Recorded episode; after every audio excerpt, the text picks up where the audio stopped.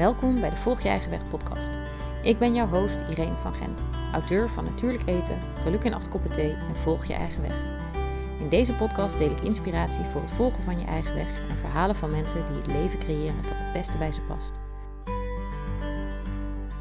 In deze eerste podcast van het nieuwe seizoen ga ik in gesprek met Esmier van Wering. Esmier is net als ik schrijver en heeft net haar vierde boek gepresenteerd. Ze benaderde me al een paar maanden geleden toen ik nog niet helemaal zeker wist of ik wel weer verder wilde met mijn podcast. Toch wakkerde haar vraag het vuurtje weer aan. We hebben het in deze podcast over haar nieuwe boek Mijn vader Alzheimer en ik, waarin ze verhalen deelt over de dagen die ze doorbrengt als mantelzorger van haar vader, die sinds een aantal jaar Alzheimer heeft. We hebben het over haar leven als schrijver en hoe het zo is gekomen.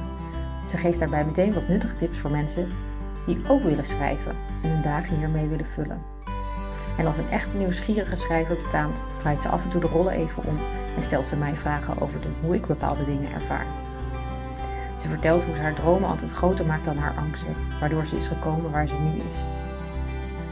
Het wordt een levendig gesprek over schrijven, leven en groeien. Wil je meer weten over Esmier? Op haar website esmier.nl vind je meer van haar werk. Nou ja, allereerst welkom uh, Esmier. Wat, uh, wat leuk dat je hier, uh, hier bent vandaag in mijn podcast. Ja, dankjewel. Dankjewel dat ik hier te gast mag zijn. Ja, zeker. Heel leuk. Ik was heel verrast. Ik kreeg vorige week je, je boek, je laatste boek binnen. En ja. daar had je zo'n mooie quote in, of je had hem beschreven. volg je hart en je weet vroeg of laat dat je op de juiste weg bent. En ik, meteen dacht ik, heb jij mijn website bekeken en alles gezien wat ik heb gedaan? Of juist niet? Want daarom, als dat niet zo was, dan vind ik hem juist zo passend bij, bij alles wat ik doe. Oh ja, nee, ik, ik, dat had ik niet. Ik, had, ik heb jou eerst uh, het boek opgestuurd en daarna ben ik uh, echt in, een beetje meer in jou gedoken, als het ware, op je ja, website gaan snuffelen. Ja. Ja. Um, dus hij was in, intuïtief. Ik schrijf heel intuïtief en dat dingen doe ik heel vaak. Zo, ja. leuk is dat. Leuk is dat. Ik heb dat ook. En dat, dat uh, maakte meteen dat ik dacht, oh ja, zo heb ik meteen al zo'n lekker raakvlak. en ik, ik las, ik heb je boek gelezen. Um, uh, want het, ja, het thema, het, het, is niet in mijn leven aanwezig, het thema Alzheimer. Um, ja, wat ik zo mooi vind in je boek is dat je echt iemand meeneemt. daar gaan we het zo nog wel even over hebben. Misschien leuk om even te vertellen, Esmier, ja, wie ben je en waar ja. zit je, wat doe je? ja, um, nou, ik, zit, ik zit thuis, ik ben Esmier. hier schrijf ik ook vaak aan deze tafel in deze hoek, al heb ik heel veel plekjes in huis waar ik schrijf. Mm -hmm. En ja, uh, mijn vader Alzheimer en ik is, mijn, is mijn, nu mijn nieuwste boek. En, en, en, de grap is dat ik eigenlijk helemaal niet bezig was met een boek schrijven. Mm -hmm. uh, maar dat is echt ontstaan. Uh, doordat ik af en toe een post op Instagram deelde over de dag met mijn vader. Um, en daar werd enorm op gereageerd, wat ik helemaal niet had verwacht. Want ik, doe, ik schrijf om dingen uh, een soort van een plek te geven. Of om, ja, of om, de, om er iets leuks mee te delen met anderen. Um, en, en ik had nooit verwacht dat er zoveel mensen reageerden met uh, dat ze ontroerd waren en dat, het zo, dat, dat ze het zo mooi vonden. En dan heb je het over een klein stukje van, van een paar regels. Dat ik, daar was ik heel erg door verrast. En toen zei mijn uitgever: hey ho, wacht even, wat gebeurt hier? Ga verder, dit wordt een boek, dit is, dit is prachtig. Mm. Eh, want ik was eigenlijk met een heel ander boek bezig. en dus dit kwam er tussendoor. En het was echt een verrassing. Ja. En dat vind ik zo mooi. Dat uh, ik, toen ik begon met mantelzorgen, dat deed ik echt met best wel tegenzin, als ik het zo kan zeggen. Um, en, want je bent, ik ben vaak bezig met, en dat zie ik ook bij jouw podcast terug, van uh, maak de keuzes die goed zijn voor jou, waar, waar je energie van krijgt, hè, die, die, die passen bij wie je bent. Maar dit was helemaal niet een beslissing die paste bij mij, bij wie ik was, bij wie ik wilde zijn en wat ik wilde doen. Uh, dat mantelzorgen, dat was echt een beetje in me, ja, ik voelde dat ik het moest doen, maar Zeker niet omdat ik er zin in had. Hmm. Maar nu, achteraf, het is nu twee jaar verder zijn we, ben ik zo blij dat ik die keuze heb gemaakt. Al, was het schoorvoetend, dat ik één dag in de week voor mijn vader zou gaan zorgen. Omdat het me zoveel meer heeft opgebracht dan alleen een boek. En dat is heel erg leerzaam geweest. Of dat vond ik echt een eye-opener. Dat je sommige keuzes, soms heb je niet de keuze uit een goede of een minder goede. Uh, soms heb je gewoon alleen maar keuzes te maken uit de dingen die je eigenlijk niet wil. Maar dat komt omdat je mind bedenkt, heeft allemaal bezwaren, maar die ziet het over gehele plaatje niet. En het mhm. universum en je ziel, of hoe, hoe je het wil zien, heeft dat wel. Dus, dus ik, ja, ik ben heel blij dat ik dan toch maar dit heb ben gaan doen. En mhm. dat het universum mij ja, op dit pad, ja, ik weet niet hoe ze, dat het dit zo gelopen is. En dat ik mijn vader heb gevonden. Ehm, de band die ik met hem vroeger zo heel erg miste als kind, heb ik nu gekregen. En ja, dat is goud waard. Had ik nooit kunnen voorzien. Dat is het mooie. Ja. ja, ja, ja. en dat is ook wel dat is interessant dat je dat zegt, zeg maar, over die keuzes maken en de keuzes die goed zijn, uh, de keuzes die goed zijn voor jou. En dat dat dus inderdaad soms op je pad komt, terwijl je er niet om gevraagd. Ja, misschien heb je er onbewust wel om gevraagd, want je, je hebt natuurlijk altijd de vraag gehad van hoe zou het zijn om een goede relatie of een leukere relatie met mijn vader te hebben? Nou, eigenlijk nog niet eens zozeer, want ik, ik wist niet beter dan dat de band met mijn vader het niet zoveel voor me betekende of zo. Tuurlijk zat hij in mijn hart en het is mijn vader. En de, maar ik had niet echt, het was niet iemand die ik belde als ik, als ik een vraag had of, of paniek had of wat dan ook. Um, dus ik wist niet beter dan dat dat zo was zoals het was. Uh, dus ik miste het ook niet, maar pas toen het beter werd, besefte ik me, holy shit, wat heb ik dit gemist? Mm. Dus achteraf was het, je, je weet pas achteraf, ja, achteraf zie ik dat pas. Ja. Je weet niet wat je mist totdat je het mist. Een beetje dat gevoel, maar dan andersom. Ja, ja. of zo. Ja, ja, ja, ik snap je. Ik snap ja. En nu ga je nog steeds elke week uh, naar hem toe? Ja, morgen weer. Ja, morgen is het vader-dochterdag, ja. Nou, het, het, grappige is, ik ben uh, tien jaar juf geweest voordat ik schrijver werd. Want je vroeg, wie mhm. ben jij? um, en, uh, en toen, ik, toen ik voor de klas stond, dan heb je ook veel contact met, met de ouders van de kinderen in je klas. En ik vond, het viel me zo op dat die vaders en die moeders zo enorm overdreven in mijn ogen betrokken waren bij die kinderen. Dat was ik uit, van huis uit niet zo gewend. Want mijn vader was altijd aan het werk. En, ehm, en ik dacht van, wat zijn die, wat zijn die vaders ook... Eh, wat zijn ze aan het... Wat zijn ze aan het... Ik vond het nep of zo. Ik, ik snapte het niet. Hmm. Totdat ik hmm. het kwartje viel en ik dacht, oh, wacht even, misschien is zoals ik het had wel niet helemaal normaal. En is dit wel heel gewoon. Dat je als ouder betrokken bent bij je kind. Of, nou klinkt het een beetje alsof mijn ouders niet betrokken waren, want dat is helemaal niet het geval. Mhm. Ik kom gewoon uit een traditioneel gezin waarbij de vader uh, voor het geld zorgde en mijn moeder voor het gezin. En, en, en zo waren de taken verdeeld. En ja, dat was in die tijd zo. Ja, ja, ja klopt. ja. ja. ja. Maar je, je wilde waarschijnlijk een. een, een uh, je zag bij die ouders die betrokkenheid. En voel je dat dan nu ook, nu jij in die andere rol zit ten opzichte van je vader? Een soort van meer betrokkenheid, bezorgdheid? Uh, ja, die zie ik nu. En, ik zie, en ik, die zie ik nu. En ik zie zeker ook dat hij, die, dat hij er altijd al is geweest. Alleen kijk ik nu met andere ogen daarnaar. Ja. Maar dus ook van hem naar jou toe. Dus niet alleen andersom, niet van jou naar hem, maar van, dat hij ook echt wel betrokken is bij jou. En, ja, ja. Ja, er is, hij heeft dan de ziekte van Alzheimer. En da, uh, dat heeft ook wel een soort filter bij hem weggehaald. Waardoor hij mhm. toegankelijker is. Hij, hij, is van nature een, een stille man. Hmm. Ingetogen. En, en dat, dat, maakt dat hij wat meer de hart op de tong heeft. Ja, dat lees ik in je boek ook terug. Dat, ja. Hij, ja, dat hij af en toe dingen zegt waarvan je denkt, ja. huh? pap, ja, ja, ja. Wat? Ja, en dat, ja, zo, ja, precies. En dan sta je meer open voor elkaar. En ik ben ook niet meer zo'n verlegen uh, meisje uh, slash puber. Dus dat helpt mhm. ook. Ja. Dus, ja, dus dat is... We, zijn, en we hebben elkaar echt gevonden. En ja, heel fijn. Bijzonder. Ja, mooi.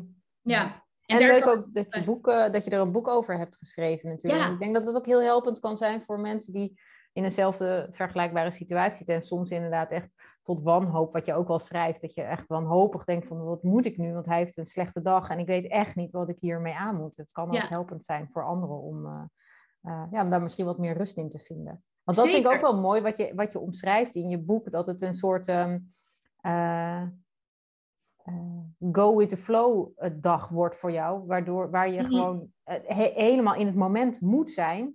Ja. Om, omdat je met hem meebeweegt in plaats van dat je je eigen bewegingen maakt. Ja, zeker. En dat is ook. Uh, heeft, dat, dat is een soort van olievlek geworden in mijn, in mijn hele leven. Dat ik, dat ik, eerst deed ik dat alleen als ik bij mijn vader was. van oké, slow down, rustig aan, één ding tegelijk. Uh, Hoe zit hij erin? En daarop een beetje afstemmen. Uh, maar ik doe dat eigenlijk steeds meer ook buiten de dagen met mijn vader om. Dat, dat is natuurlijk ook heel goed om ja, in het nu te leven. Want mijn vader, het, het verleden brokkelt af en de toekomst is echt helemaal een vaag begrip. Dus, dus we hebben heel erg, met hem ben ik heel erg in het nu. En dat probeer je natuurlijk, dat, is, dat roept iedereen, hè? Leven in het hier en nu, je hebt alleen maar nu. Uh, maar dat is met mijn vader letterlijk het geval. En dat probeer ik ook, of dat doe ik ook steeds meer als ik gewoon bij mezelf in mijn huis aan het schrijven ben of, of uh, wat dan ook koffie haal. Dat ik echt probeer te denken van oké, heerlijk nu, de zon schijnt, ik voel, ik voel de wind of ik luister nu deze muziek. Dat ik heel erg... Uh, en dat brengt je ook dicht bij jezelf dan. Ja. Dus het is... Dus, het is mijn, mijn vader heeft hoe vaak die ook, hoeveel die ook afwezig is geweest, hij geeft me zoveel, hij leert me zoveel. En zelfs nu dus nog, uh, nu hij uh, ziek is. Ja. ja. Ja, dat is echt waanzinnig. Ja. Hoe, is, hoe is jouw band met jouw ouders? Uh, nou, goed. de band, ik denk dat altijd dat de band met mijn moeder iets beter is geweest, intenser dan de band met mijn vader. Want ik ik herken wat jij vertelt. Ja, mijn moeder was er altijd en mijn vader was altijd aan het werk. Ja. dat was gewoon zo. Dus daar heb ik ook niet. Ik heb daar ook geen ja, wrokgevoelens bij of iets dergelijks. Ik merk wel nu ehm, dat hij. Ja, het contact met mijn vader is altijd, gaat altijd via mijn moeder. Dat is altijd zo mm. geweest. Oh, ja, ik, heb ja. Het, ik heb het wel eens anders geprobeerd, maar dat lukt nog niet helemaal. Um, uh, en ik heb altijd afgevraagd van nou, wat, wat, um, wat vindt hij nou eigenlijk van me? Want net, mm. net als jouw vader is mijn vader ja. ook een redelijk man. En, en dit jaar kreeg ik onverwacht echt een hele mooie feedback van hem. Die heeft, heeft hij misschien zelf niet eens voor, zo bedoeld, maar voor mij voelde het heel erg van, oh, hij ziet me. Ja. Uh, en dat, uh, dat maakt dat ik ook echt, nou ja, dat gevoel wat jij hebt van, oh, die, die band en die betrokkenheid is er eigenlijk altijd al geweest, want die komt niet zomaar uit het niets. Nee. Die is er gewoon. En dat, um, uh, ja, dat was voor mij wel een bevestiging. Zo van, oh ja, jij bent, wow. echt, jij bent echt mijn vader en jij bent hier gewoon ook. En jij ziet mij ook, terwijl ik, dat kwam ook omdat ik mezelf ging zien. Dat was ook grappig. Want het was in een periode dat ik mezelf ging zien, dat hij mij ook kon zien. Dat geldt voor iedereen oh. om me heen. Steeds meer mensen zien mij nu voor zoals ik, ja, waar, in, waar mijn talent ligt of wie ik ben. En omdat ik het zelf ook kan zien. Ja. En heel lang heb ik het zelf niet, niet kunnen zien. Misschien ja. ook niet willen zien nog. Was, was er nog iets anders wat er te zien was? Weet ik niet. Maar uh, ja, dus, dus, dus, dus de band, uh, ja, Kijk, hoe ouder je wordt, hoe, hoeveel meer afstand er ook komt tussen je ouders. Hè? Want omdat je zo je eigen ding gaat doen, ja. ja. daar zit je niet, dat zie ik ook bij, bij mensen om me heen. Je gaat dingen doen die zij misschien niet helemaal uh, zo verwacht hadden of zelf zo zouden doen. Of, ja. Um, ja, en dan is het soms moeilijk om in verbinding te blijven. En als je dan uh, krachtig in jezelf kunt staan, dan kun je die verbinding weer maken. Want dan heb je allebei, dan, dan, dan is er bij hen ook geen twijfel meer naar ja. wie jij bent. Want dan heb jij zelf gekozen. Terwijl als je ja. zelf een beetje zwabbert, en daar ben ik nog wel goed in geweest, ja. dan, dan, gaan anderen ook denken, uh, die, zien je, oh, ja, die zien jou ook zo. Dus, dat, dus het, het, helpt ook als je jezelf gaat zien, dan veranderen je relaties met anderen gewoon. Uh, ja. en wat, wat voor mij ook heel erg heeft geholpen, is toen op het moment dat ik voelde dat mijn vader mij zag en, en zijn waardering kon uiten, dat hij van, van me houdt, dat heeft zoveel teweeggebracht in mij. Ik, uh, ik, het, als soort van, ik kreeg een soort algeheel vertrouwen van het leven in. Dat, mm. dat, mijn vader is natuurlijk mijn basis. En, en die gaf mij de erkenning die ik altijd een beetje soort van nog miste. En doordat hij mij dat gaf, dat viel als een huis. Ik voelde me veel meer ja, geaard, veel meer uh, bij mezelf. Maar ik vond mezelf ook leuker. Mijn, mijn zelfwaarde, mijn eigen waarde groeide daar ook van. En van, ik dacht, ja, ik, ik mag er zijn. Ik, ik, en dat wist ik ook wel natuurlijk, maar nu op een dieper level. Hmm. En omdat het wat, wat mijn vader mij teruggaf, resoneerde met zo'n diepe laag in mezelf. En daar klonk het met, je bent oké, je, bent, je bent een leuk mens, je mag er zijn, je, je, je bent het waard om geliefd te worden. Al die basisdingen. uh, die, die zakte nog verder dieper in mijn lijf. En dat heeft zo'n, ja, dat is, dat is zo fijn om te hebben. Dat, dat, dat hoort dan ook bij jou, dat jouw vader jou ineens erkenning geeft van, hé, hey, schat, op welke, op welke manier die dat dan ook deed. Maar jij pakte daaruit van, oké, ja, hij ziet mij. Ja, ja. En dat is toch interessant hoe essentieel dat dan is in, in je leven, zeg maar. Dat die, dat die, die, die, sorry, die basis waar je vandaan komt, zo, dat het zo fijn is als je, als je daarin je gesteund voelt of gezien voelt. Of... Ja. Terwijl eigenlijk, als je kijkt naar de alle uh, spirituele uh, wijsheden of, of, of, coaches die dan zeggen, ja, je moet het toch allemaal uit jezelf halen. En dan toch op de een of andere manier, als, dan, als het dan toch van huis uit je een soort goedkeuring krijgt, of een soort, uh, ja, die stevige basis nog eens even erkend wordt, dan ja. ja, dat, dat je daar dan ook steviger van gaat staan. Zeker, 100%, want je ouders zijn je basis. Het is je fundament. En dan haal je het nog steeds wel uit jezelf, maar, maar dat wat je uit jezelf haalt is ineens veel meer geworden en veel sterker en krachtiger en, en overtuigder. Ja. Ehm, dat is wat ik merk. Ja, ja. Heel mooi. erkenning naar mezelf. Dus ik heb mezelf ook meer erkenning kunnen geven. Ik zie mezelf ook meer. Ik kan mezelf leuker vinden. En dat is heel gek. Dat had ik helemaal niet verwacht. En ook niet op het moment dat het gebeurde.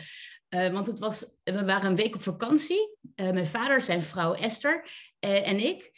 En een van de laatste avonden waren we aan het natafelen. En, en Esther en ik hadden het over, over de dood. Maar op een luchtige manier. meer zo van, geloof jij in iets wat daarna? En, en wat gebeurt er als je doodgaat en zo.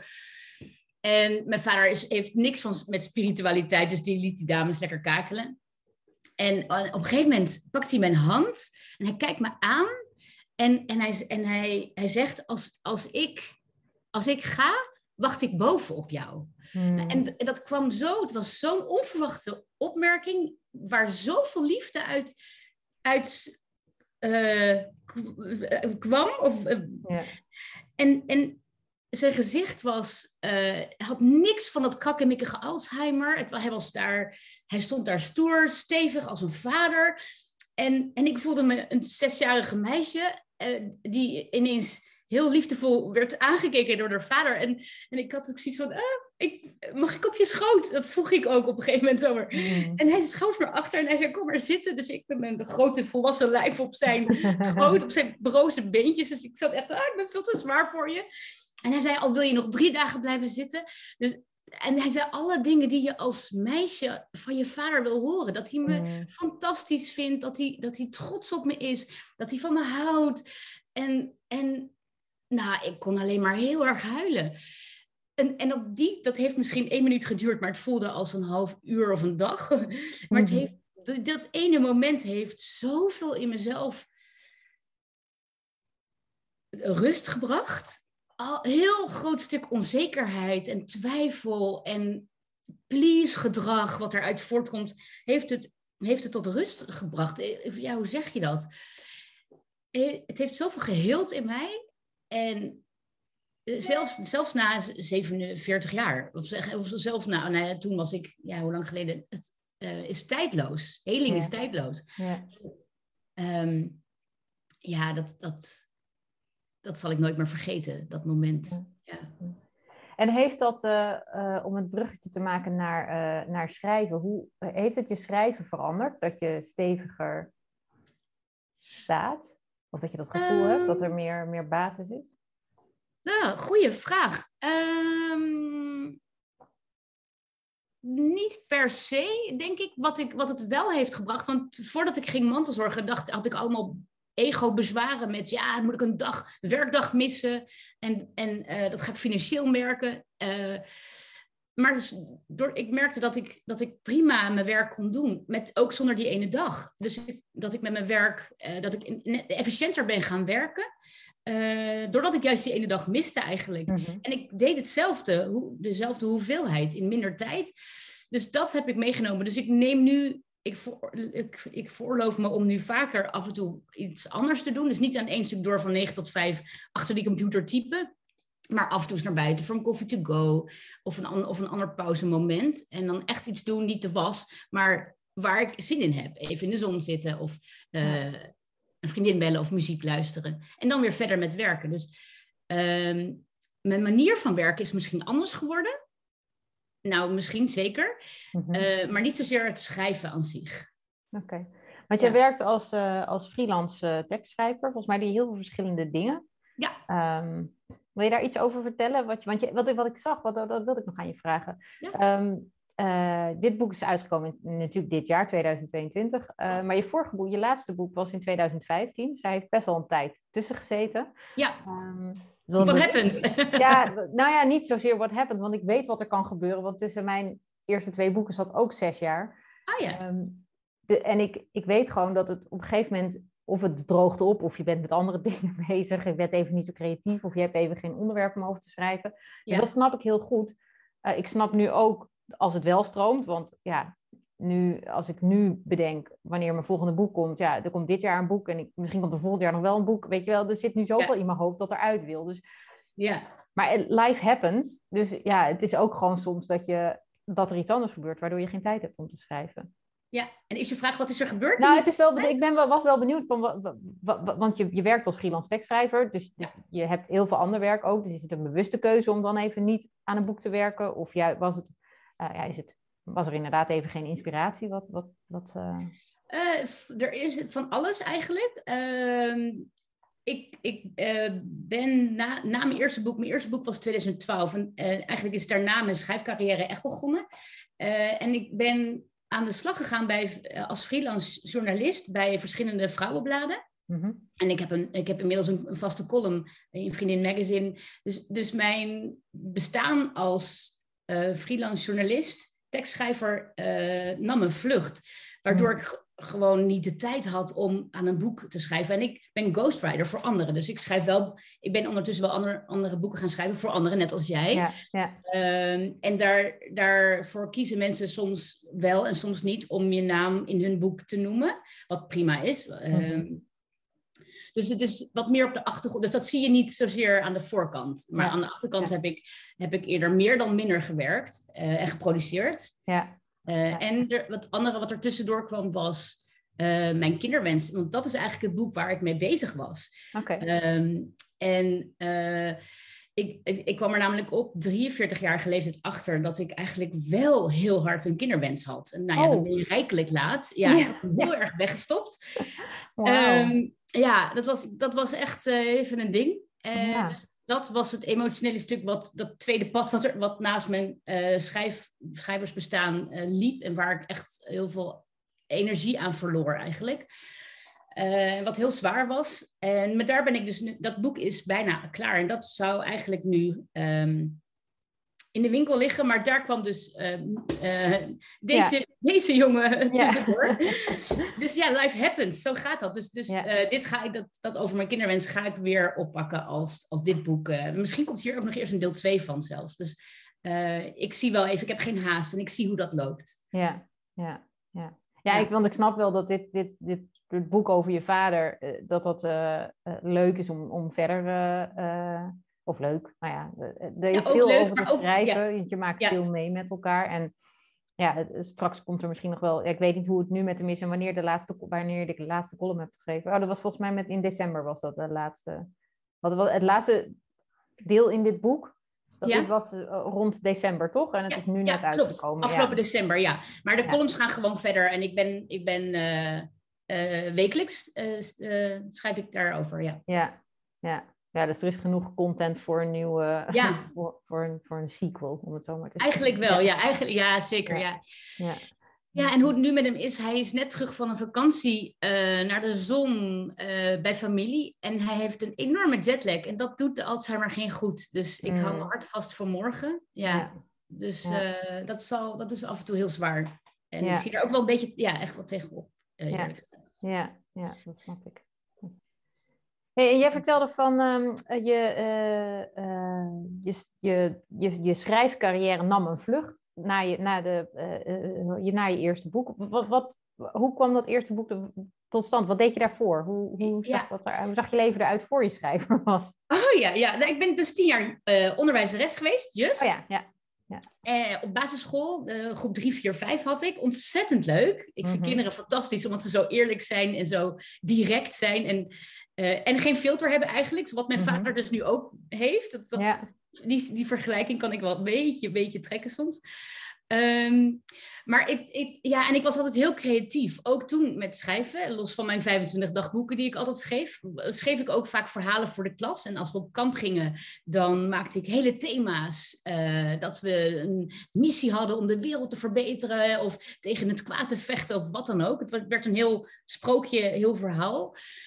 En want dat heeft altijd in me gezeten. Verhalen vertellen, verhalen schrijven. Een beetje wat, ja, herkenbaar wat jij doet en wat, wat in jouw bloed stroomt, heb ik ook. Mhm. en, en dat ging steeds, dat werd steeds nadrukkelijker ehm, een drang om, om na te gaan leven, dat schrijven. En ehm, op een gegeven moment kwam er een soort. ging de, de weegschaal keerde om. Dus het was eerst de klas nummer één en het schrijven was ondergeschikt. En op een gegeven moment was het ik wil eigenlijk zoveel mogelijk schrijven. En ehm, toen heb ik, ja, ik heb, ik heb gekozen om, om mijn fulltime baan op te zeggen en uh, mezelf een half jaar te geven. Mhm. Om te kijken hoe ver ik kon komen in het schrijven. Uh, ja, ik ben gewoon gesprongen. Ik heb, uh, heb dat gedaan en um, heb elke dag geschreven. Wat ik heel lastig vond, want ik moest wennen aan zitten. ik was een juf en ik ging de hele dag door de klas. En ik moest dat zitvlees had ik niet. Ik, ik vond dat heel ingewikkeld. Maar dat nou ja, is gelukt. Ik had een, ja, mijn missie was ehm, sterker dan uh, mijn onrust. Ja. En uh, ongeveer twee weken voordat het einde van die, die zes maanden voorbij waren, uh, werd ik gebeld door mijn huidige uitgever. Want hmm. wat was er gebeurd? Ik had een column gekregen in de krant op Texel. Daar woont mijn, mijn vriend. Mhm. En uh, ik kon daar een column schrijven voor een habbekrats. Uh, maar ik dacht, de ervaring is fantastisch. Dus ik mhm. ga dit sowieso doen. Uh, dus het was niet iets waar ik van kon leven. Maar ik dacht, oké, prima. Wat wel de voorwaarde was van dit, dat halve jaar. Hè? Van, ik wil kijken hoe ver ik kom om, om, en of ik van het schrijven kan gaan leven. Mhm. um, maar goed, twee weken voordat ik die, die zes maanden voorbij waren en ik serieus zou moeten gaan nadenken, wat ga ik dan doen om geld om de huur te betalen? Um, werd ik gebeld, mijn uitgever die had mijn column gezien. Die heeft namelijk een tweede huis op Texel. Die mhm. zag deze nieuwe columnist in de krant. En ik liet af en toe vallen dat ik aan het schrijven was, met een boek bezig was en zo. En, en, uh, en die zei, uh, stuur eens wat op. En, en uh, die vroeg, nee, ja, het was nog maar die vroeg, wat heb, hoeveel heb je? Dus ik, nou, een stuk of tien hoofdstukken. Uh, in het echt had ik er maar vier af waar ik een beetje tevreden over was. maar ik was aan het bluffen en, en die zei, oh stuur eens op en dan ga ik kijken. Dus ik had um, ineens een enorme deadline en ik ben dag en nacht gaan schrijven en ik heb twee weken later twaalf hoofdstukken opgestuurd. Die hebben ze gelezen en toen zeiden ze, dit willen we uitgeven. Dus hmm. vlak voor het einde, de kracht van manifestatie en um, deadline stellen voor jezelf aan het universum. Echt op, bijna op de dag had ik dus en een column en een contract bij een uitgever voor mijn boek. Toen dacht ik, ja, nu ga ik niet meer stoppen. Ik ga nu niet achter de kassa. Ik ga nu, ik ga nu verder. Ik, moet, ik ga dit uitwerken. En toen heb ik wel uh, heel minimalistisch moeten leven, omdat ik het gewoon het, het, het financieel uh, wel uh, zwaar had. Mm -hmm. Maar nog steeds ben ik uh, aan het werken. Ik, ik woon in een fantastisch huis in het centrum van Amsterdam. Dus, dus uh, het is gelukt. Het is, het is gelukt, ja. ja, ja. Mooi. En, en, ja, ja. en ja, ik, ik bedoel, ik, ik hou van dit soort verhalen. Want je, je werkt als, als columnist voor, uh, voor, voor, voor, of, voor, voor vriendin, maar je, hebt, je werkt dus ook voor, voor andere vrouwenbladen. Hoe heb je dat voor elkaar gekregen? Want ik, ik zie daar, mm. dat is namelijk heel interessant Althans, als ik even mijn persoonlijke verhaal mag uh, delen. Ja, uh, leuk. Ik vind dat, het lijkt me dus doodeng om daar dan uiteindelijk je verhalen naartoe te sturen. Maar ik heb, zit altijd, of heb altijd met de angst voor afwijzing gezeten. Dus ik heb nooit een verhaal naar een magazine gestuurd, omdat ik bang ben, ja, ik ben niet goed genoeg. Nou goed, ik mhm. weet niet of je dat herkent, maar oh, misschien heb je dat ook gehad. Dus ja. hoe, voor iedereen die daar geïnteresseerd is, ik bijvoorbeeld, hoe doe je, hoe doe je dat? Nou, hoe heb jij het gedaan? Ja. Ik het zo zeggen. Uh, leuke vraag. Dat het voor iedereen uh, geldt. Nou, ik denk dat het voor iedereen geldt. Iedereen is onzeker. Iedereen heeft af en toe het gevoel dat hij maar wat doet. Dus mhm. dat vooropgesteld. Uh, ik herken heel erg de mantra: ik ben niet goed genoeg, ik kan dat niet. Mhm. Ehm, maar ik heb, godzijdank, ook het talent uh, van uh, optimale naïviteit. ik, ik, ik ben dat talent gaan aanleren. ja, nee, maar serieus, het heeft ook echt een goede kant. Want ik, heb, ik ben, als ik, als ik toen had geweten in dat half jaar dat ik ging schrijven, ehm, als ik toen had geweten welke obstakels ik allemaal ben tegengekomen onderweg tot, tot dit punt van waar ik nu sta, dan had ik het nooit gedaan. Ik was er nooit aan begonnen. Maar wat heb ik gedaan? Ik heb, ik heb, ik heb allerlei bladen gekocht of, of ingebladerd en foto's van gemaakt en gekeken, oké, eh, dit blad, hier zou ik voor willen schrijven. Dat is, dat is de eerste vraag. Hè? Voor wie zou je willen schrijven? Mhm. En daar kwam uh, bij mij al gauw Santé magazine uit, bijvoorbeeld. Daar is het mee begonnen. Vond ik een heel leuk blad. Ik sport graag in, in ja, affiniteit mee. Toen heb ik gekeken, oké, wat voor onderwerpen hebben zij? Welke onderwerpen vind ik leuk? En ik ben gewoon artikelen gaan schrijven.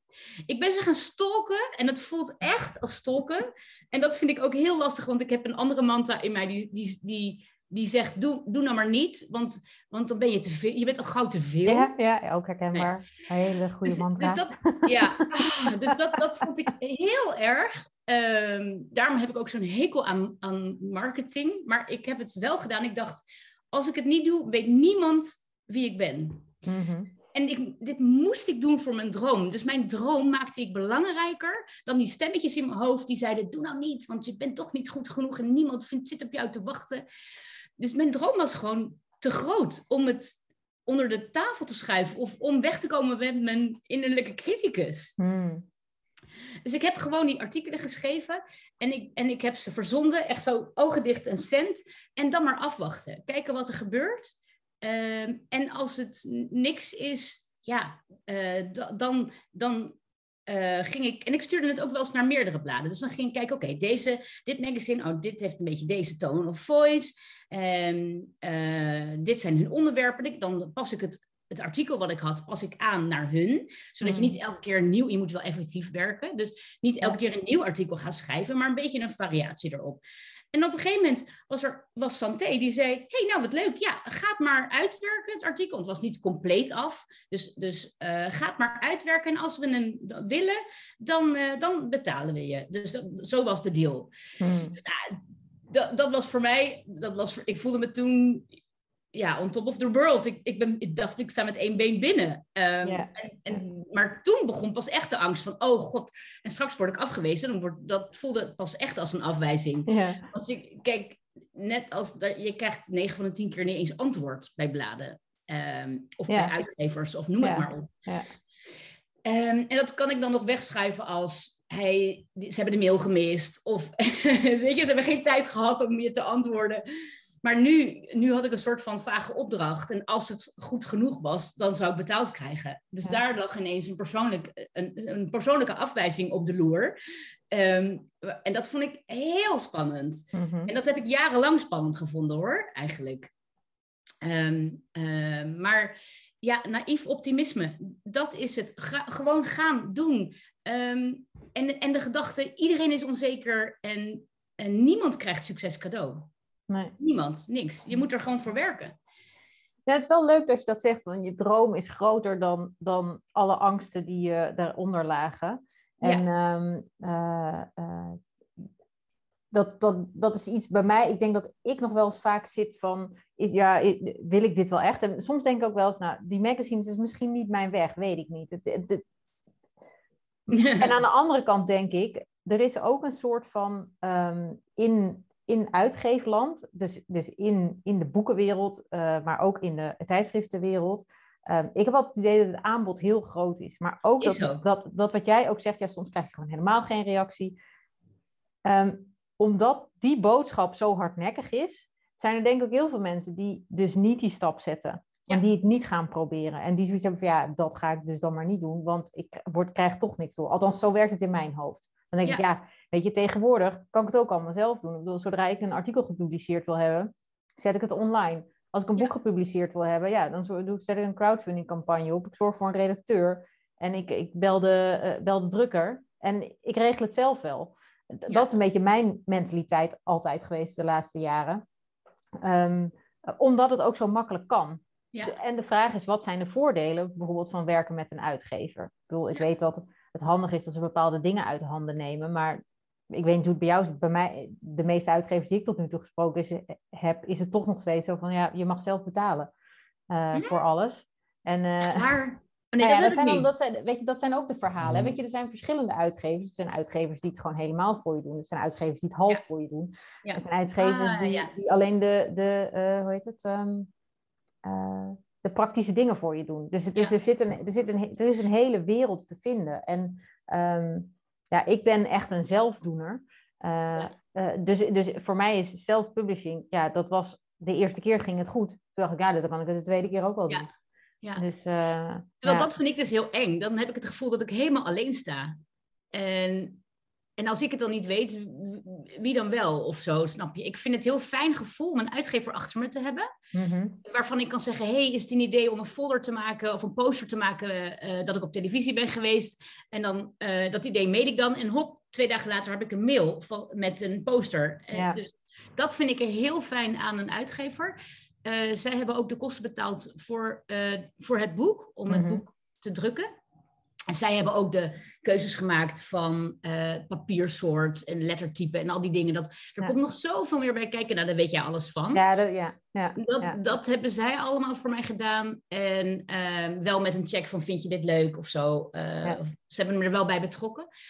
Um, maar ik merk dat ik heel veel marketing zelf uh, ja, moet, ja, moet doen, want ik vind marketing niet zo leuk. Mhm. Ehm, maar dat voelt een beetje als leuren, leuren met je boek. Um, maar dat komt omdat je geen Saskia Noord bent en niemand weet uh, wie je bent. Dus dat is weer hetzelfde als met die bladen. Met, met als je wil schrijven voor een, voor een blad. Niemand weet dat je er bent, dat je een leuk idee hebt als je het niet opstuurt. Ja, dat klopt. Dus ik weet het, het is noodzakelijk kwaad, een beetje voor mij. Ja, nou ja, dat is het ook. Dat is het ook. Ik wil zeker, dat, heb je natuurlijk zeker met de bladen, maar dat is met je boek uiteindelijk ook zo. Ik, ik weet dat ik, ik heb um, uh, het tweede boek dat ik uitbracht, ehm, dat heeft heel goed gelopen, omdat ik heel veel lezingen heb gegeven. En toen mm. mijn laatste boek uitkwam, Volg je eigen weg, toen um, was Nederland op slot. Dus ik kon geen lezing geven. Ja, en dat zie ik gewoon ook aan de verkoopcijfers. Dat, dat is gewoon, als je dan geen uitgever hebt, of, of, en je moet en dan heb ik ook zo'n gevoel van, ja, je loopt, ik loop maar te leuren met mijn boek en dan kom ik weer met mijn verhaal over, uh, ga eens even lekker je eigen weg volgen. Nou ja, weet je, op een gegeven moment hebben ze het ook wel een beetje gezien. Dat, uh, dat, zo'n gevoel krijg je dan. Ja. En, uh, en dat is natuurlijk ook met een boek. Ja, het is geen, geen je, je verdient er geen duizenden euro's mee met de verkoop van één boek. Dus, dus je moet er heel veel voor doen. Wil je die duizend euro überhaupt verdienen? Ik bedoel, dan moet je wel 500 boeken voor verkopen. Ja. Of zeg ik dat goed? Nee, wel meer misschien. Uh, nee, voor 1000 euro hoef je niet 500 boeken te verkopen. Dat, is, dat zeg ik verkeerd. Maar ja, je moet, het, het is wel veel. Vanaf of je het zelf doet, inderdaad. Of dat je het bij uitgever Nou ja, goed, als je op het moment dat je het via een uitgever doet, dan, heb je, dan, dan hou je er natuurlijk minder aan over. Ja. Ja. Ja, want bij self-publishing hou je gewoon per boek wel wat meer over. Ja, maar je hebt ook dat, alle kosten. Dat is een voordeel, ja. En dat is het grote verschil. Ik bedoel, ik, je moet, ik moet voor investeren. Ja. Daar heb ik niks van. Ik heb, een, ik heb een, juist uh, een voorschot gekregen. Dus dat is de omgekeerde wereld. Ja. Ja. ja. dat klopt. Ja. ja. Maar goed, wat ik dan wel heel grappig vind, ik, jouw boek komt bij een uitgever vandaan die ik niet ken. Nee, um, uh, nou, het is, dus je kent hem wel. Het, het, oh. is, uh, het is de volwassen tak van de Vier Windstreken. En de Vier Windstreken is een hele grote bekende uh, kinderboekenuitgeverij. Oké. Okay. van het mooiste visje van de zee, van de grote ijsbeer, of kleine ijsbeer. Of die, zeg maar, die boeken, ken je die?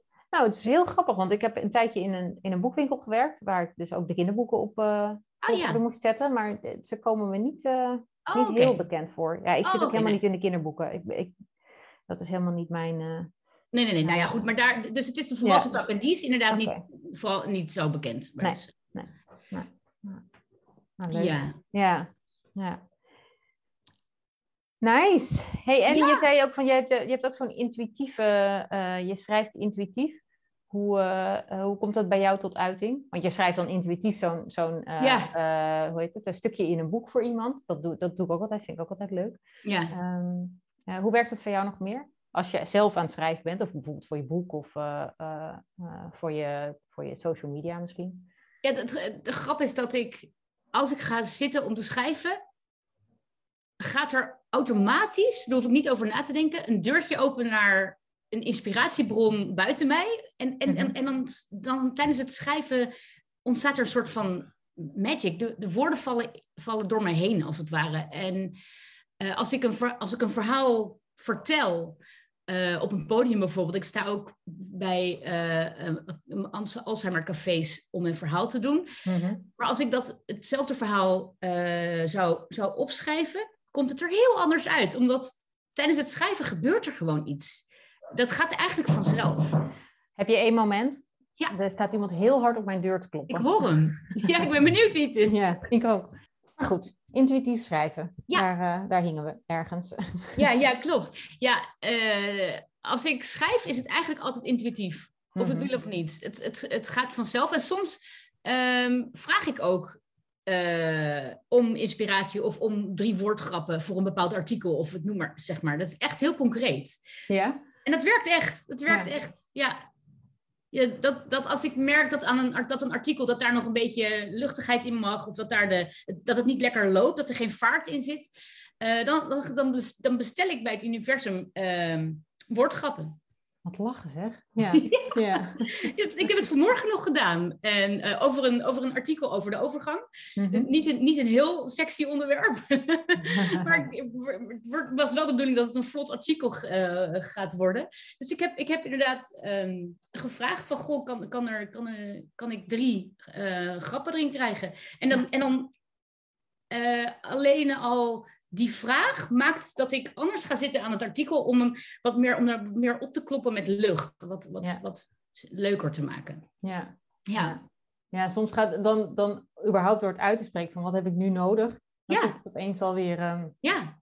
Het is een soort wisselwerking met het universum. Ja. ja. Ja. En hoe doe jij dat dan? Nou, ik, ik ben um, vorig jaar...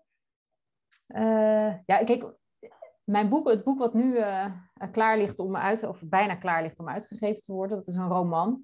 En, um, oh, het is heel anders. Ja, het is heel anders. En, um, leuk. Ja, heel leuk. Ik word er heel blij van. En het, het komt net terug van een self-publishing uit, uitgever en die was razend enthousiast. Dus dat is sowieso al uh, Gaaf. heel fijn om even de eerste feedback van een professional te krijgen op dat het goed is. Helpt altijd tegen die stemmetjes in je hoofd, heel fijn. Ja, zeker. Ja, ja.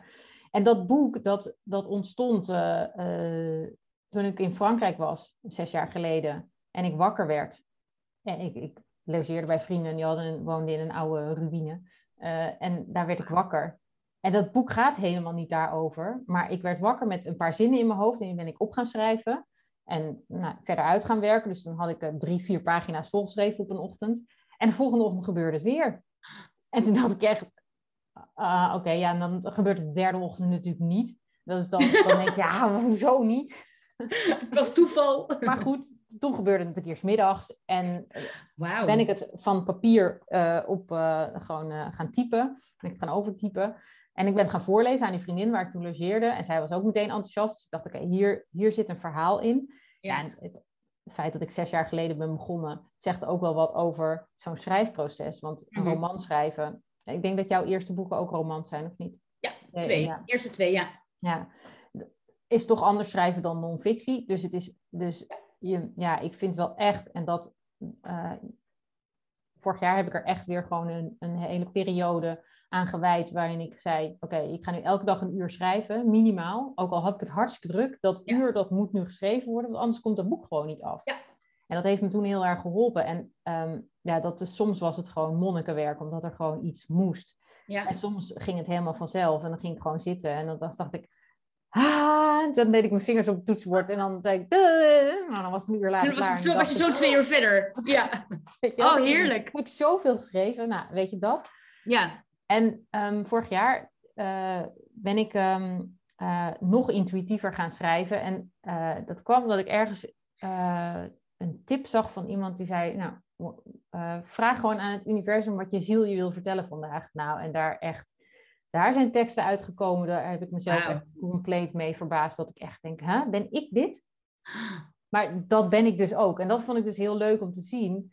dat ik niet alleen maar non-fictie kan schrijven, ik kan dus ook romans schrijven. Ik kan, weet je, ik schrijf korte verhaaltjes op social media. En ik mhm. heb dus ook nu een soort, uh, ja, het zijn, ik vind het niet echt gedichten, ik noem ze souls messages, omdat ze dus echt direct oh, uit mijn ziel komen. Ja. Ehm, en ze, ja, ik vind ze heel gaaf en ze zijn heel inspirerend en ondersteunend. En wow. ja, nu ben ik op dat punt dat ze de wereld in uh, mogen. Oh, ehm, spannend. Via Instagram heb ik er wel wat, uh, wat gedeeld. Um, maar ja, nu, nu is dat ook weer een volgende stap. Dus dat, ja, ik vind dat heel interessant om te zien wat er gebeurt als je gewoon je hoofd weg tussenuit ja. haalt. En, en gewoon um, het, het, het laat stromen. Maar dat kan alleen maar als je een bepaald soort rust hebt. Um, maar anders dan, anders dan blijft dat hoofd maar, mm blijft dat hoofd maar bezig, zeg maar. Ik vind het ook altijd een hele geruststelling dat je het niet alleen maar zelf hoeft te doen met je eigen hoofd. Maar dat je af en toe ook een vraag kan terugspelen naar het universum. En naar je hogere ziel of zelf, of hoe je het ook wil noemen. Ja, klopt. En, want, want daar komen dingen uit die zo kan je het zelf niet bedenken. Nee. Zo, en dat is, veel, dat is magic. Dat is die magic die ik bedoel in het schrijfproces. Want heeft het schrijfproces jou dan niet uh, nog, nog meer zelfvertrouwen uh, gegeven? Doordat je merkt dat je zo groeit daarin? En wat je allemaal kan. Ja, dat, dat begin ik nu wel te merken. Kijk, ik heb um, mijn eerste boeken, die zijn uh, kijk, allemaal ontstaan uit de blogs die ik geschreven heb. Ja, en dat zijn echt mijn eerste boeken. Dat, dat zie je er ook wel in terug. Uh, wat niet erg is, want ja, het is ook een leerproces. De inhoud is nog steeds heel goed. Of het, of het goed geschreven is, ja, dat, Kijk, ik vind dat we daarover kunnen twisten, maar een ander die het leest ziet waarschijnlijk niet wat ik zie, omdat ik nu tien jaar verder ben. Of, of acht jaar, weet ik veel. Ehm, en ja, ik groei, dus ik, ik, ik zie nu, en ik ook door de reacties die ik krijg op de ghostwritings, of de, uh, de boeken die ik aan ghostwriten ben, ja, als ik dan zie hoe mensen reageren op wat ik schrijf, dan denk ik, ja, ik kan dit dus. Ja. Maar dat is heel lang, ben ik daar wel echt onzeker over geweest. Ja. Als je feedback krijgt van, of van een uitgever of uh, op je posts op social media, of weet je dat mensen denken, oh, ik, ik word geraakt of, of wat interessant, of dan, dan opeens denk je, oh, wacht even, hier zit iets. Ja. Misschien wel iets waar ik veel, uh, wat een veel groter talent van mij is dan dat ik ooit gezien heb. Ja, gaaf is dat. En, en dat is ook wel, kijk, ik ben, het verhaal vertel ik ook heel vaak. Uh, uh, mijn moeder zei altijd dat ik journalistiek moest gaan studeren, omdat ik zo nieuwsgierig was. Maar in dat, tijdstip, in dat tijdperk deed ik nooit wat mijn moeder zei, dus ik ging communicatie studeren. Dus ik heb denk voor de eerste 15 jaar van mijn carrière altijd. En, en nog wel dat ik denk, ja, maar ik ben geen, geen schrijver, ik ben communicatieadviseur. Maar, oh wat ik van, wat, dat, maar dat is wat ik geleerd heb. En wat ik in essentie ben, is die schrijver. Die nieuwsgierige geest die gewoon verhalen wil maken. Ja. Ik bedoel, ik, kan, ik weet niet hoe jij dat hebt, maar als ik op een terras zit en twee mensen zie die een beetje niet zo bij elkaar passen, of uh, ik zie mensen voorbij lopen, die hebben ruzie of juist helemaal niet. Die zijn heel liefdevol naar elkaar. Ja, en ik ga dan verhalen maken. Ja. Ik zit dan gewoon meteen te bedenken, oh, wat zouden die mensen, wat zouden ze van elkaar zijn? En hoe, hoe zouden ze elkaar ontmoet hebben? Zouden ze al langzamer zijn? Of juist, nou, ik ben dan echt helemaal verhalen aan het maken. Wat leuk, ja. ja voor, mij, voor mij is, ja, gevoelens zijn wel leidraad voor verhalen, gek genoeg. Ja.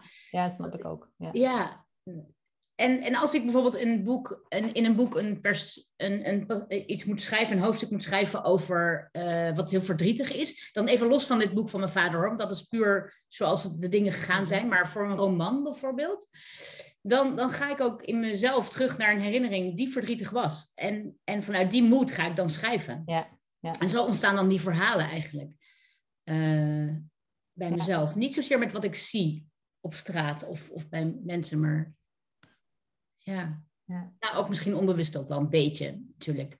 Ja, maar dat is wel dat is, dat is wat er gebeurt in mijn hoofd als ik mensen Het is niet dat ik meteen dan dat verhaal ga opschrijven, maar het is wel dat er, dat het is altijd gebeurt er iets met een, een setting of zo. Wat ik bijvoorbeeld, ik weet niet hoe, hoe jij dat hebt, maar wat ik dus heel moeilijk vind in schrijven, want ik schrijf dus ook heel veel vanuit gedachten en emoties.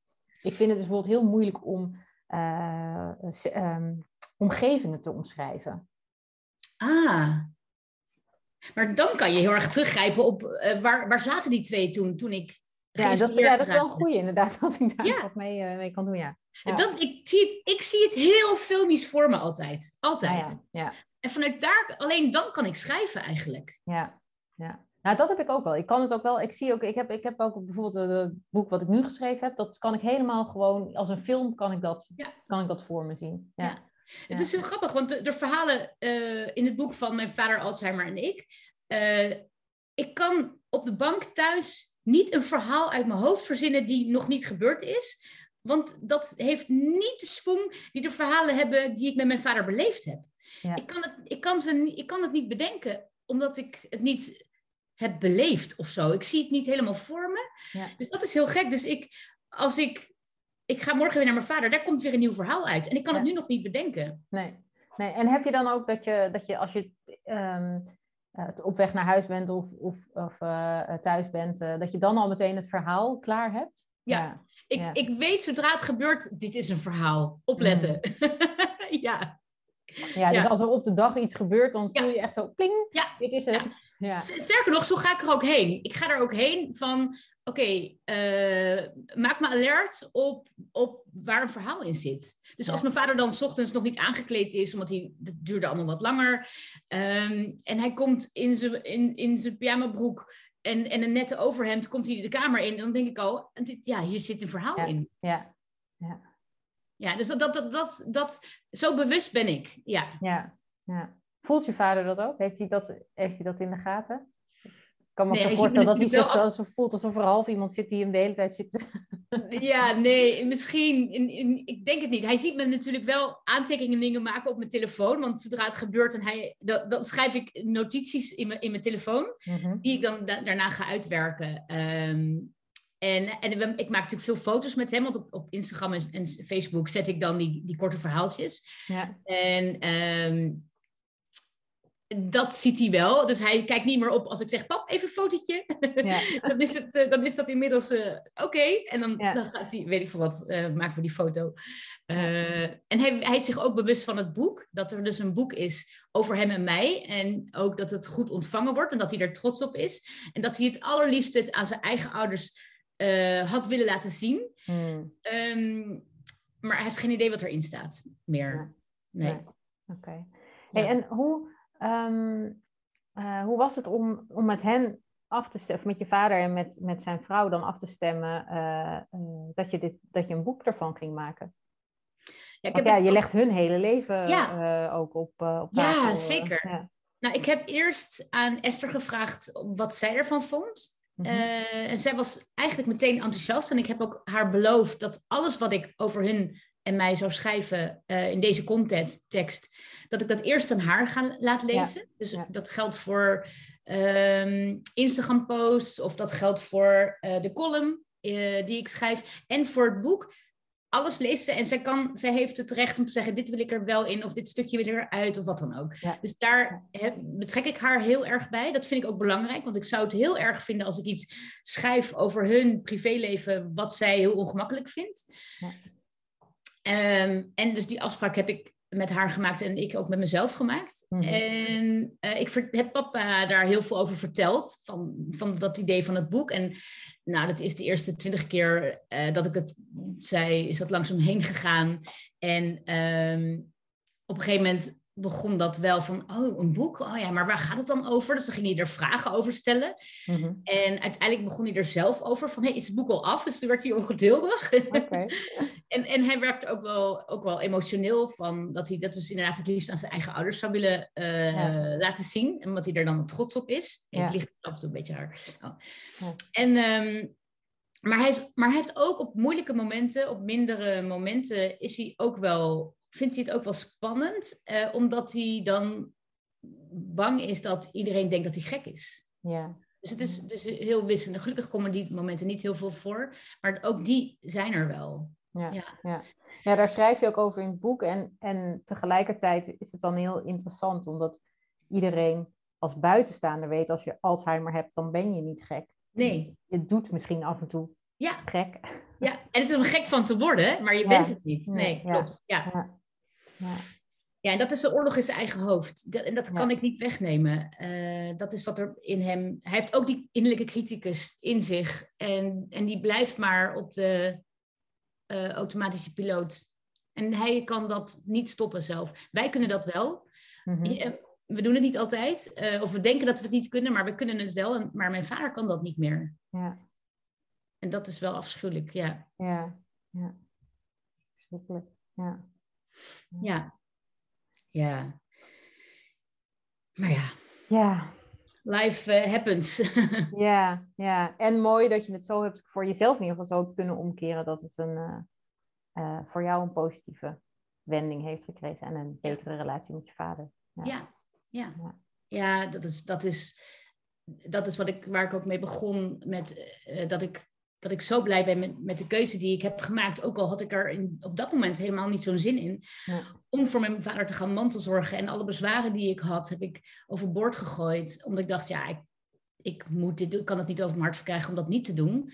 Dus dan ga ik maar. Maar dat, ja, dat, dat heeft me zoveel plezier opgeleverd. En leuke momenten. En dus de band met mijn vader. En dus dit boek. En uh, ik ging het inderdaad financieel merken. In positieve zin. Maar had ik nooit gedacht. Nee. nee. Ja.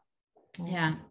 Ja, mooi dat uh, dat soort dingen dan toch uh, zich ten goede kunnen keren. Ja. ja. en dan merk je ook echt dat je wel beschermd wordt door iets buiten jou. Dat, dat ook al denk je dat, dat het niet goed gaat, uh, dat dat uiteindelijk toch wel positief uitpakt. Ja.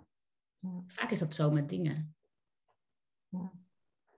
Ja. Hey, laatste vraag. Als je kijkt naar alles wat je tot nu toe geschreven hebt, dat is natuurlijk ondertussen heel veel. Waar ben je het meest, wat, wat vind je het meest bijzonder? Ik wou zeggen, waar ben je het meest trots op? Maar ik denk dat wat je het meest bijzonder vindt, toch wel... Uh...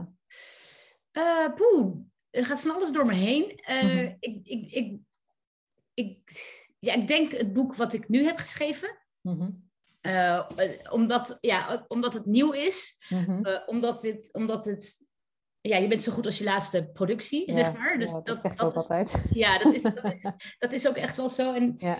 En ik ben, ik, nog nooit heb, heb ik zoveel mooie reacties gekregen en media-aandacht gekregen als met dit boek. Mhm. Eh, en, en, en daarmee bedoel ik, dat ik ben het meest trots op dit boek omdat, omdat, ik, omdat ik er zoveel mensen mee bereik en, en iets teweeg breng bij mensen. Uh, ja, dat wil je met je teksten. En, en daar ben ik het meest trots op dat ik, uh, dat, dat gebeurt. Uh, ja, en, en het feit dat ik überhaupt die, dat halve jaar mezelf heb durven gunnen om te kijken of ik überhaupt kan schrijven. Of ik, of ik, of ik als tekstschrijver mezelf in de wereld kan neerzetten. Uh, dat is, daar begon het mee. En, en als ik dat niet had aangedurfd, omdat ik had geluisterd naar de stemmen in mijn hoofd, dan was ik nog steeds juf of zat ik achter de kassa uh, bij de supermarkt, wat ik heel vaak heb gedacht in moeilijke tijden. Ik dacht, ja, nou, ja. geen idee, dan ga ik wel achter de kassa. Ja, ik. Uh, dus, dus dat, um, daar ben ik ook wel heel trots op. Uh, dat het, ja, dat begin en het eind dus eigenlijk. Ja, heel mooi. Dat wil ik ook zeggen. Je hebt, een, je hebt de, de, de start van je schrijverscarrière en inderdaad, je bent zo goed als je laatste boek. Ik, ja. Ik, um, of je laatste product. Ja. Dat zeg ik ook altijd. En, en dat is volgens mij ook zo. Maar dat komt ook omdat je natuurlijk meegroeit met... Ja. Met, uh, ja, met wie je, groeit, je groeit zelf, je groeit in je schrijven, je groeit in, ja. Uh, ja, in je leven. Dus dat, is, dat kan ook niet anders. Nee, precies. Ja. ja. mooi. En jij dan? Wat, wat is jouw meest trotse moment, terugkijkend? Oeh, um, nou, ik ben nu vooral heel trots op waar ik nu sta. Mm -hmm. dat heeft niet zozeer te maken met uh, je bent zo goed als je laatste product. Dat, uh, daar gaan, maar de, de, de, de weg die ik op dit moment aan het bewandelen ben, waarin ik echt volledig aan het omarmen ben, dat ik dus dat ik, dat ik een talent heb en dat ik dat uh, volledig mag inzetten. Ja, da daar, ben ik wel, daar ben ik wel heel trots op. Dat me dat nu eindelijk, al die jaren, dat ik het toch een beetje heb weggestopt en geprobeerd en dan weer net niet. En dan weer geprobeerd en dan weer net niet. Ehm, ja, dat het nu wel lukt. En dat, uh, ja, ja. En dat ik daar ook de rust in vind dat het niet zo snel gaat als dat ik wil. Maar dat ik dan terugkijk nu al op deze week. En dat ik dan, zonder dat ik er iets voor heb gedaan, twee aanvragen krijg om een boek te schrijven of, of met oh. iemand mee te, mee te kijken naar een boek. Ja, dan denk ik, oké, ik heb dus gewoon niks gedaan. Maar ik heb dus gewoon heel veel hiervoor gedaan. Ja, precies. Want succes komt niet voor niks. Nee, en ik, en ik, ehm, het fijne is, het voelt alsof ik niks heb gedaan. Mhm. En er is dus heel veel gebeurd. En dat is waar ik ehm, eh, steeds meer op terugkom. Is dat als je een talent hebt, dan voelt het niet als werk. Dan ben je gewoon je ding aan het doen. En dan krijg je ervoor betaald. Mhm. En als het goed is, krijg je er dan goed voor betaald. Ja. En het gaat helemaal vanzelf. En het voelt niet, het voelt een beetje gek om er geld voor te vragen. Want ja, het voelt zo alsof je niks doet, bij wijze van spreken. Ja. Uh, maar dat is voor waar het wel voor mij over gaat. En ik, dat gun ik echt iedereen. Dan denk ik, ja, oké. Het gaat echt over, over echt je talent omarmen. En, uh, en daarvoor gaan staan. En als dat lukt, dan komt het geld wel. Dat is net als wat jij zegt. Dan kun je dus met een dag minder werken, meer gaan verdienen. Omdat je iets omarmt wat gewoon, ja, wat gewoon van jou is. Ja, ja omdat, het, omdat het ploeteren eraf is en, en je gaat in flow. En, en, en omdat, omdat je dingen doet die, uh, waar je ontzettend gelukkig van wordt, waar je energie van krijgt en waar je ook zin hebt om, om je tanden in te zetten. En dan, dan is je focus gewoon veel beter en dan ben je productiever. Ja, ja klopt. Ja. ja. Cool, wat cool. Ja. Staan we op een mooi punt. Ja, zeker. zeker. Hey, onwijs leuk om um, jou te spreken en jou Dankjewel. te horen. Dankjewel. Superleuk met jou te delen, ja. Ehm, jij bent uh, te zien op esmier.nl volgens mij, zeg ik dat? Ja. ja. ja. Um, nou, en jouw boek ligt, uh, als het goed is, in alle boekwinkels, maar, of in ieder geval bij alle boekwinkels te bestellen. Juist, absoluut, zeker, of, ja. Vast ook via uh, online boekwinkels. Dus um, het nieuwste boek van Esmier, we noemen hem nog één keertje, Mijn vader, Alzheimer en ik. Juist. In de winkel. Dankjewel. Jij ook dankjewel Irene, superleuk. Dank voor het luisteren naar deze aflevering van de Volg je eigen weg podcast. Wil je meer weten? Kijk dan op irenevangent.com. Daar bestel je mijn boeken en vind je inspirerende blogs. Ik wens je een hele fijne dag en ontmoet je graag weer bij de volgende aflevering.